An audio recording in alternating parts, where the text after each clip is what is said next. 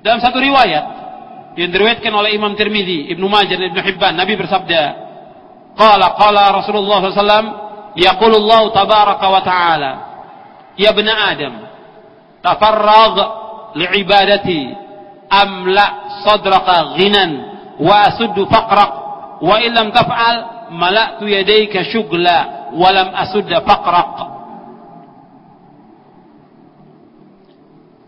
Nabi bersabda,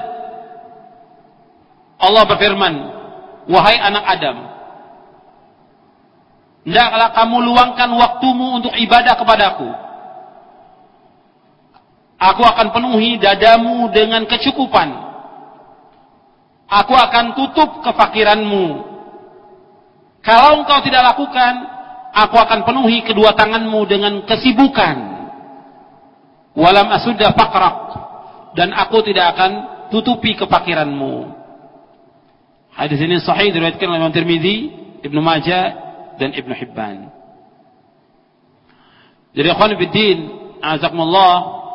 Jadi Allah menyuruh kita untuk meluangkan waktu kita untuk ibadah kepada Allah SWT dan Allah akan memberikan kecukupan kepada kita dan menutupi kefakiran kita.